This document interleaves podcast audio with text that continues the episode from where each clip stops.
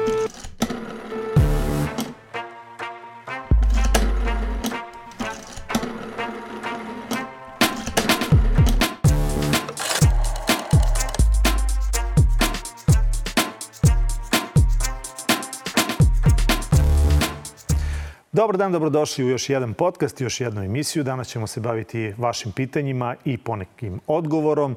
E, moram da uputim kritiku, dakle, info službi Gradske uprave grada Beograda. E, bili su ovih godina revnosni. Zašto od sada nisu? E, to jest od poslednjih nekoliko nedelja. Morat ću da proverim sa Aleksandrom Šapićem, kog sam pre neki dan isreo i rekao mi je da to zaista nema veze nikakve sa njim.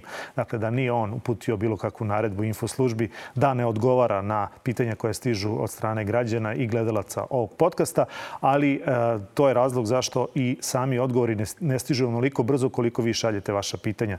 Dakle, pokušat ću da to e, istražimo o čemu se zapravo radi i nadam se već u narednim emisijama da će e, i odgovori sustizati brzinu onog kako stižu vaša pitanja. A pitanja naravno možete slati na Viber broj 069 893 0023, takođe na Facebook, Instagram i Twitter mrežu Pitajte Đuru ili vaša pitanja šaljite na e-mail adresu pitajteđuru.nova nova.rs.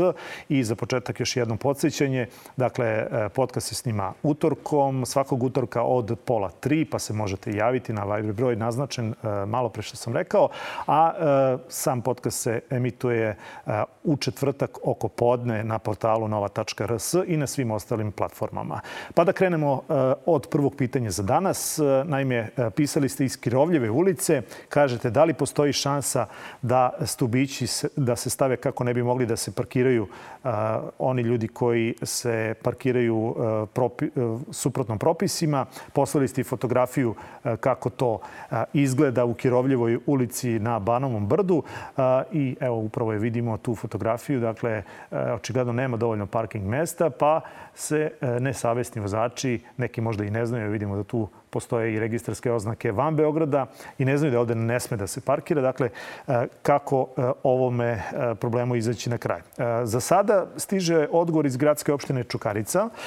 Oni kažu povodom upućenog pitanja i zahteva slušalca potrebno je da su ugrađeni uputi zahtev opštini Čukarica, odnosno članu veća za komunalnu infrastrukturu, kako bismo uputili zahtev nadležnom sekretarijatu za saobraćaj, čiji će stručne službe utvrditi da li je moguće postaviti stubiće ili direktno se građani može obratiti sekretarijatu za saobraćaj. Dakle, to su odgovorili iz uh, gradske opštine Čukarica. Ja sam umesto vas svim ovim adresama već uputio uh, pitanja i zahtev umesto vas. Ne bi bilo zgorega da to uradite i vi, pa da zajedničkim snagama uh, prosto utičemo da se ovaj problem, koji nije toliko veliki problem, ja reši.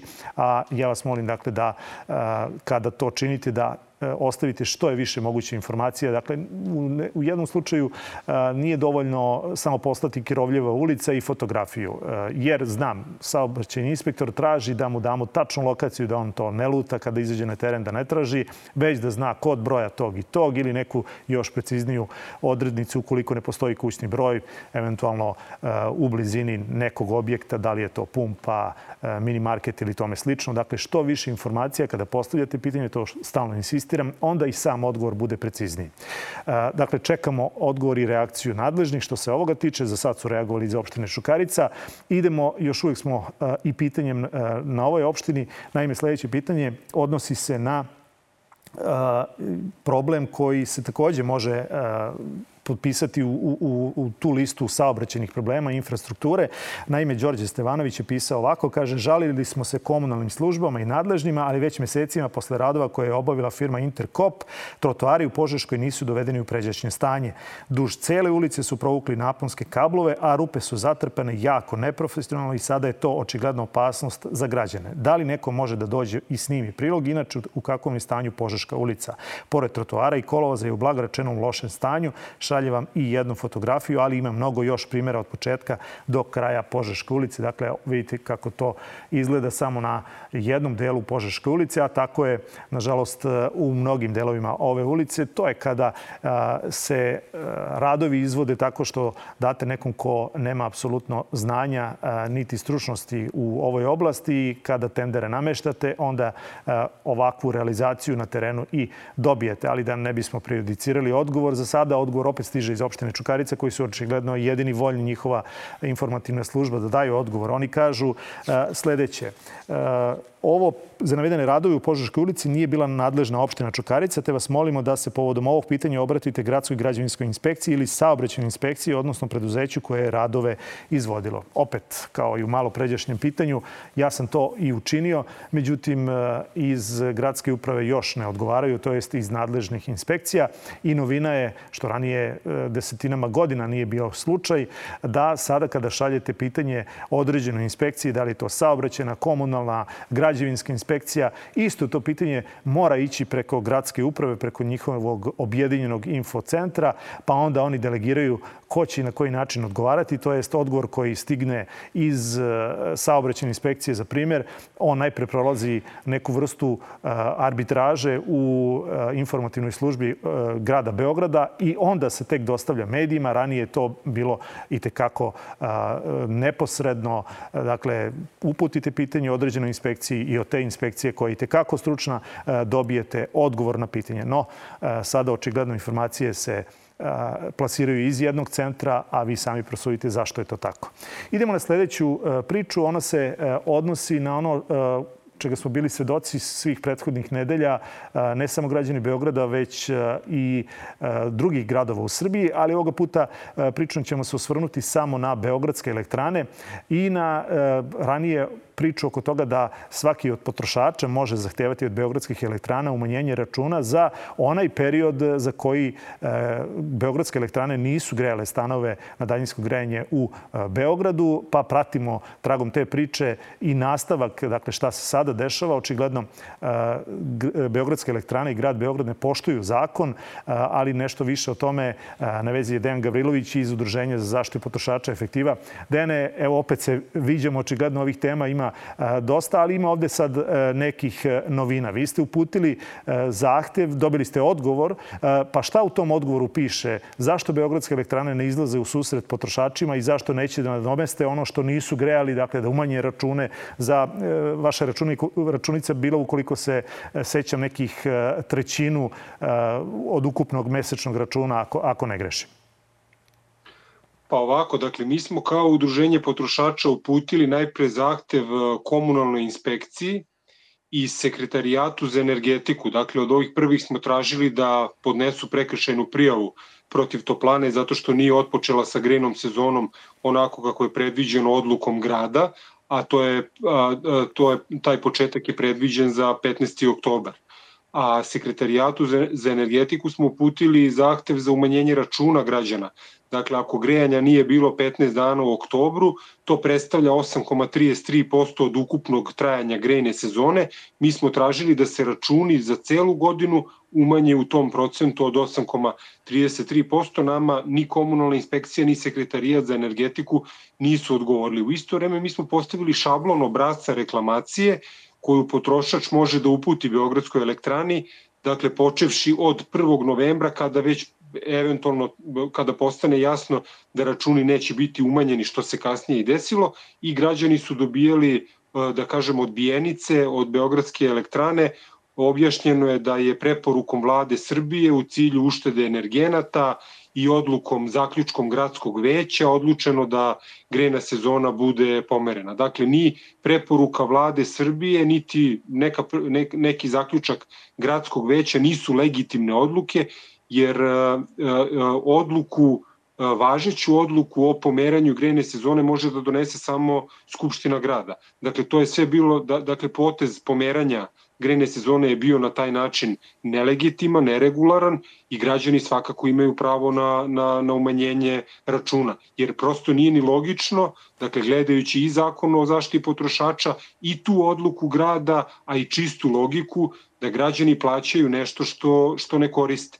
Međutim, kažem, Beogradske elektrane su odbile te zahteve, nakon čega smo mi uputili sad pre nekoliko dana dopis gradskom ombudsmanu, dakle funkcija gradskog ombudsmana je da štiti prava građana u onom delu koji se tiče neregularnosti u radu gradske uprave i preduzeća koji su po, po, koje, čiji je osnivač grad, dakle tu spadaju i Beogradske elektrane, mi smo putili gradskom ombudsmanu i takođe smo postavili šablon obrazca za građane da takođe ombudsmanu upute E, te prijave i evo sada čekamo da vidimo šta će biti sa tim odgovorom. Ja bih samo napomenuo da su četiri toplane po, po našim informacijama u Srbiji, to su toplana u Kraljevu, u Jagodini, u Bujanovcu i u Zaječaru donele odluke o umanjenju računa građana zbog pomeranja grejne sezone. Dakle, tamo isto nije počela grejna sezona 15. oktobra nego kasnije i ove četiri toplane su donele odluke o umanjenju računa. To znači da je to moguće, to znači da u Srbiji ipak negde postoji neko ko poštuje ne samo zakon, nego poštuje i one građane koji su tu vlast na, na kraju krajeva izabrali, doveli ih na vlast ovaj nažalost u Beogradu i evo u Novom Sadu, u Nišu, kao većim gradovima, lokalne samouprave nemaju, da kažemo, sluha za interes građana, jednostavno žele da zadrže novac za uslugu koju, koju nije pružena, ja bih čak to mogao otvoreno da nazovem i krađom. Dakle, to je kao da vam neko uzme novac iz džepa, a za uzvrat vam, vam ne da ništa. E sad, ovde je vrlo jasno dakle, e, da su veći gradovi u problemu, to jest potrošači u većim gradovima u problemu. Pa jeste li, ako se osvrnemo samo na e, novac, jeste li možda izvodili neku računicu e, o kolikoj sumi novca se radi recimo za Beograd, za Novi Sad, za Niš? Dakle, da li ti gradovi uopšte imaju i elektrane u tim gradovima, da li imaju novca da, da vrate ono što, kako vi kažete, su ukrali od građana? Pa naravno da imaju, moraju da imaju da vrate, jer u stvari oni samo ni, oni nije trebalo da, da, da uzimaju i da vraćaju. Jednostavno umanje račune i onda samim tim ne bi uzeli nešto što moraju da, moraju da vrate. A ovako, ako nastave s ovom praksom, dakle za sada stižu računi koji nisu umanjeni, oni će sigurno inkasirati nekoliko desetina miliona evra, dakle pričamo ova tri velika grada. Ja nemam preciznu računicu, to zavisi od kvadrature, dakle i to plana u Beogradu naplaćuje na dva različita načina. Najvećem broju domaćinstava naplaćuje po kvadratu stana, što je potpuno nelogično, a jedan manji broj potrošača ima, ima, ono, ima takozvanu naplatu po utrošku i onda će oni imati faktički neko umanjenje jer nisu imali grejanje, računi će im biti manji. Dakle, teško je sad tu izračunati koliki je tačan iznos novca, ali čuli smo od ministarke energetike, od nove ministarke, da se radi o nekom iznosu od 50 miliona evra. Pretpostavljam da je to na nivou e, cele Srbije, možda računa to, nisu tad računali da će neke toplane ipak da ispoštuju svoje građane i neće im naplatiti ono što im nisu pružili. Jeste li možda radili računicu koliko je to za prosečnog e, stanovnika Beograda, recimo da uzmemo stan od 60 kvadrata, koliko je to novca nazad ukoliko vi kažete da bi to trebalo umanjiti za 8 i nešto posto u odnosu na čitavu godinu? Pa da, 8,33% je neka naša računica i predlog dakle, na, e, za sve račune, za svih 12 meseci.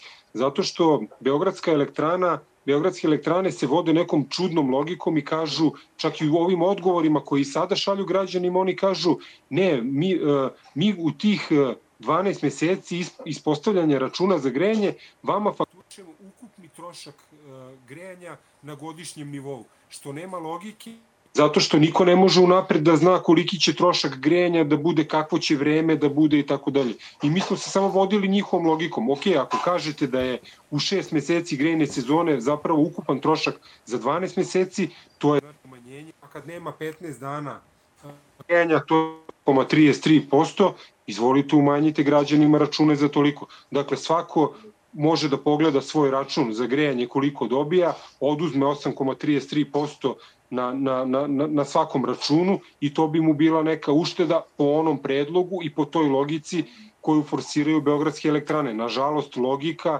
zakonitost, pravo i pravda nemaju mnogo veze sa ponašanjem gradske uprave i, i gradske toplane. Kad te termine pominjete, očekujete li onda samo kratko da prokomentarišemo i to, očekujete li da će gradski ombudsman reagovati i zaštiti građane, a ne stati e, na stranu beogradskih elektrana koje takođe se plaćaju kao i gradski ombudsman iz istog budžeta? Pa iskren da budem, nisam neki preterani optimista, to su sve gradske službe, dakle, iz, što se kaže sa istog izvora piju vodu, tako da sunjamo, ali njih pritiskamo čisto da se vidi da stajemo i neđani vide da sve te, da kažemo, gradske institucije zapravo rade istu stvar, štite, štite krađu. Ovo, ovde se radi o očitoj krađi, ali svakako kad se iscrpu svi ovi da kažemo, koraci, građanima preostaju podnošenje prekršajnih prijava, ti postupci su potpuno besplatni, mi ćemo staviti šablon obraca za to i naravno pokretanje prekršajnih postupka, postupaka pred redovnim sudovima, ti postupci su takođe besplatni. Pa kada se onda prekršajni i redovni sudovi zatrpaju novim tužbama, onda će gradski, gra, gradski vlasti verovatno da se pitaju šta im je sve to trebalo. I samo da kažem, nema logike dakle da gradska vlast čija je uloga da radi u interesu građana pravi, svoje, pravi od, gra, od svojih građana neprijatelje na taj način da oni sad treba da ulaze u sudske sporove. Prosto jednostavno treba da se umanje računi i to je to, usluga nije pružena sasvim je prosto. Volio bih da imam prilike da pitam gradonačelnika da li bi on platio nešto nekome, a da za uzvrat nije dobio ništa. Ajde, pokušat ćemo mi da ga pitamo, mada i to je teška priča, jer on očigledno medije koji mu postavljaju kritička pitanja nekako ne shvata kao dobronamerne i to je odgovor na njegovo pitanje. Kada pozvao sam gradonačelnika i u, ovoj, u ovoj emisiju i ovaj podcast, rekao mi kada budem preselio podcast na neko, neki drugi mediji da ćemo se onda siti ispričati. Ali dobro, bit će vremena vremena. Dene... Ja, sam isto ispred efektive na Twitteru i poslao sam mu i ovako poruku SMS na njegov telefon i baš juče prekjuče smo na Twitteru ga javno pitali zašto to plana, zašto gradske vlasti smatraju da treba da zadrže novac građana za uslugu koju nisu pružili. Naravno, evo, 5-6 puta nismo dobili odgovor. Dene, hvala puno na izvornom vremenu. Svakako ovu situaciju ćemo pratiti pa da vidimo šta će ombudsman reći, da li će to stići e, do e, sudova. Znamo kako sudovi rade. Dakle, e, ne da obeshrabrujemo ljude, nego prosto da znaju na čemu su i koja su njihova prava. Hvala još jednom. Bio to Dejan Gavrilović iz Udruženja Efektiva, a mi idemo dalje. Sledeće pitanje odnosi se, bar smo zajednički uradili, ja se nadam dobru stvar, a građanin je pisao ovako. Gledalac kaže, gospodine Đuro, molim vas, da li ste mogućnosti da proverite zašto u Mladenovcu novim korisnicima koji su se priključili na gas nisu prikačeni satovi i isti gas nije pušten. Kompanija je Beogradske elektrane, ulice ne znam sve, ali evo, na primjer, moja Dedinska broj 2, u pitanju su pojedinačni korisnici koji su platili priključak i evo već mesec i po dana čekamo da satovi stignu iz Beograda. Sve ukupno ova procedura traje još od maja meseca ove godine, kada smo podneli zahtev za priključenje na mrežu i posle šest meseci još nismo došli do kraja i molim vas nemojte shvatiti ovo kao individualno pitanje mene pojedinca. Pitanje je upućeno u ime svih budućih korisnika usluga koji su uplatili novac, a satove nisu dobili. Dakle, gledalac koji je poslao ovo pitanje, ja sam odmah i poslao pitanje dalje prosledio onima koji su nadležni. Od njih, nažalost, nisam dobio zvaničan odgovor, ali sam dobio zato od gledalca koji je i postavio ovo pitanje. Kaže on samo kratko, stigli su satovi, hvala. Eto, dakle, hvala vama što ste obavestili me da smo zajednički, bar ja se nadam da smo zajednički uticali da ono što je plaćeno bude i isporučeno i da građani ovog dela Mladenovca dobiju ono što su platili od beogradskih elektrana. Idemo na sledeću temu. Sledeća tema odnosi se na gradski prevoz, to jest na, na plaćanje, pa da čujete da može postojati i ovakav problem. Kaže gledateljka ovako. Iznala bih jedan problem, možda se dešava još nekome. Naime, u toku dana mi je iznenada stiglo više tekstualnih poruka od banke sa sadržajem da mi je skinut iznos od 98 dinara sa računa, navodno za gradski prevoz. S obzirom da prevoz povremeno plaćam putem master kartice.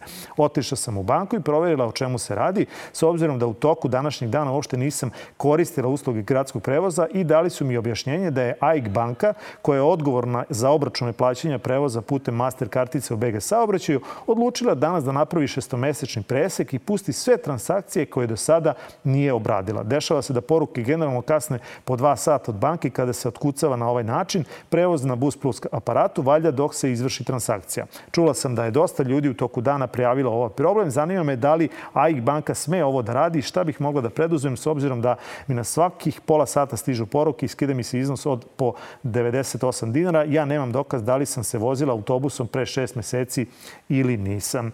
Za sada odgovor stiže iz gradskog saobraćenog preduzeća, iz AIK banke, nažalost, nisu odgovorili, iako sam ovo pitanje odmah prosledio i njima, ali evo što kažu iz gradskog saobraćenog preduzeća, Slavica Stevanović kaže Prema važećoj proceduri sva pitanja morate da uputite preko sekretarijata za informisanje, evo ga ono o čemu sam vam malo prepričao, dakle preko info PR službe, što ja jesam uradio, ni na ovo nisu odgovorili. Informišem vas i da javno komunalno preduzeće, gradsko saobraćeno preduzeće Beograd, samo je jedan od prevoznika u integrisanom sistemu javnog prevoza i od 2010. ne obavlja naplatu i kontrolu karata, ta, te sva pitanja koja se na to odnosi odnose uputite sekretarijatu za javni prevoz. Dakle, u gradskom saobraćenom preduzeću kažu nismo mi majke mi i nema veze sa nama. Bar znamo sa kime ima veze. Međutim, nisu stigli odgovori. Dakle, možda je ovde savet da vodite evidenciju kada ste plaćali master karticom gradski prevoz i da to imate negde u svom, u svom zapisniku ili kako god ćete to voditi, pa da vas ne iznenadi ovo što se desilo gledateljki, da odjednom stigne šest meseci naplata za sve ono što je u prethodnom periodu e, koristila master karticu i na taj način e, plaćala preko AIK banke e, gradsko saobraćeno preduzeće. Ne znam da li se vama, ukoliko ste u nekoj drugoj banci desila ovakva stvar. Ja sam u banci koja prosto odmah ovo proknjiži i odmah dobijem i SMS da sam platio gradski prevoz master karticom. Tako da što se moje banke tiče to nije bio problem, ali kao što rekoh, dakle očigledno postoje ovakvi problemi pa sami vodite evidenciju, očigledno da neko drugi umesto vas to neće činiti ili će činiti na ovaj način na koji vas odjednom može oštetiti, ako to tako mogu da kažem. To jest oštetiti vaš budžet. I evo sledećeg pitanja. Dakle, nije samo infoslužba gradskog, grada Beograda neko ko nije renosan, već je to očigledno i komunalna milicija koja se hvali da oni odgovaraju odmah i da rade 24 sata dnevno, da za njih nema ni praznika, ni nove godine, ni tome slično, već da građani moraju samo malo biti uporniji, a i strpljiviji. E, Anika Vlajić je pisala i to ide u suprot tome. Ona kaže ovako, već treći vikend za redom se najpre rođaka koja je čuvala stan u mom odsustvu, a potom dva puta je lično susrećemo sa istim problemom. Najlepše ih vas zamolio da proverite o čemu se radi. Naime, imam prvu komšiju dugogodišnjeg alkoholičara i izvinjavam se za ovakav opis bahatu kretenčino. On sve nas u zgradi povremeno teroriše glasnom muzikom do sitnih jutarnjih sati, uprkos tome što je već nekoliko puta intervenisala i komunalna milicija i regularna policija. Pošto komšija kanda svake subote uveče ima razloga za veselje, već tri vikenda unazad, rođaka i ja, pokušavamo da kontaktiramo komunalnu miliciju na telefon 011 39 0007. Tada strpljivo oslušamo govorni automat i ostanemo na vezi zarad kontakta sa operaterom komunalne milicije koji se ne javlja do u nedogled. Dotični automat čak ne posjeduje ni obaveštenje koliko još treba čekati, to jest koliko ljudi vas čeka na vezu, kao što to uglavnom imaju svi ozbiljni ozbiljni call centri. Postoji li mogućnost da poverite šta se događa, to je zašto je dotična služba postala još neefikasnija po građane Beograda nego što je to bila, a što je zaista teško i zamisliti. Moja lajička pretpostavka je da je to posljedica promena koje je u pomenutu službu unela nova gradska vlast u Beogradu, ali bez ikakvog kontakta sa njima čak i to mogu samo da pretpostavljam. Anika, šta da vam kažem? E, mislim da ste u pravu i da su vaše pretpostavke na mestu, jer se zaista sa promenom gradske vlasti dešavaju neke čudne stvari, a, da, e, a to je da službe koje su nekad bile revnosne ili bar revnosne, da od sada na neki način informacije ne dele sa građanima i sa javnošću. Ja sam ovo pitanje četiri puta, identično pitanje, prosledio komunalnoj miliciji, zvao sam ih i dobio sam obavićanje da ću dobiti zvaničan odgovor, međutim on nije stigao. Ono što bi bilo možda dobro u ovoj čitavoj priči je, e, znate kad pozovete to, sve te call centre, oni kažu e, upozoravam vas da će ovaj razgovor biti snimljen. Dakle, bilo bi dobro da imate vremena kad ste to zvali, pa ćemo ih onda e, na do, primjeru tražiti da čujemo na koji način se to neko jeste javio ili se uopšte nije javio. Dakle, ajde da vršimo pritisak, pa ćemo, ja se nadam, e, svaki pritisak će uroditi e, plodom. Kada, to je sad pitanje, ali prosto to je način da dokažemo da gradske službe e, ne rade ono što bi trebalo da rade, a to je da odgovaraju građanima, na kraju krajeva oni ih i plaćaju. Dakle, Anika, dakle, to je moja molba za vas, a prosto hvala vam što ste iznili i ovaj problem koji od sada dakle, imamo očigledno i sa komunalnom milicijom. E sad, za kraj današnjeg podcasta, evo jedne vrlo česte situacije koja se dešava ne samo u ovoj lokaciji, na ovoj lokaciji e, našeg gledalca koji se javlja sa ostružnice, već, nažalost, e, u čitavom Beogradu.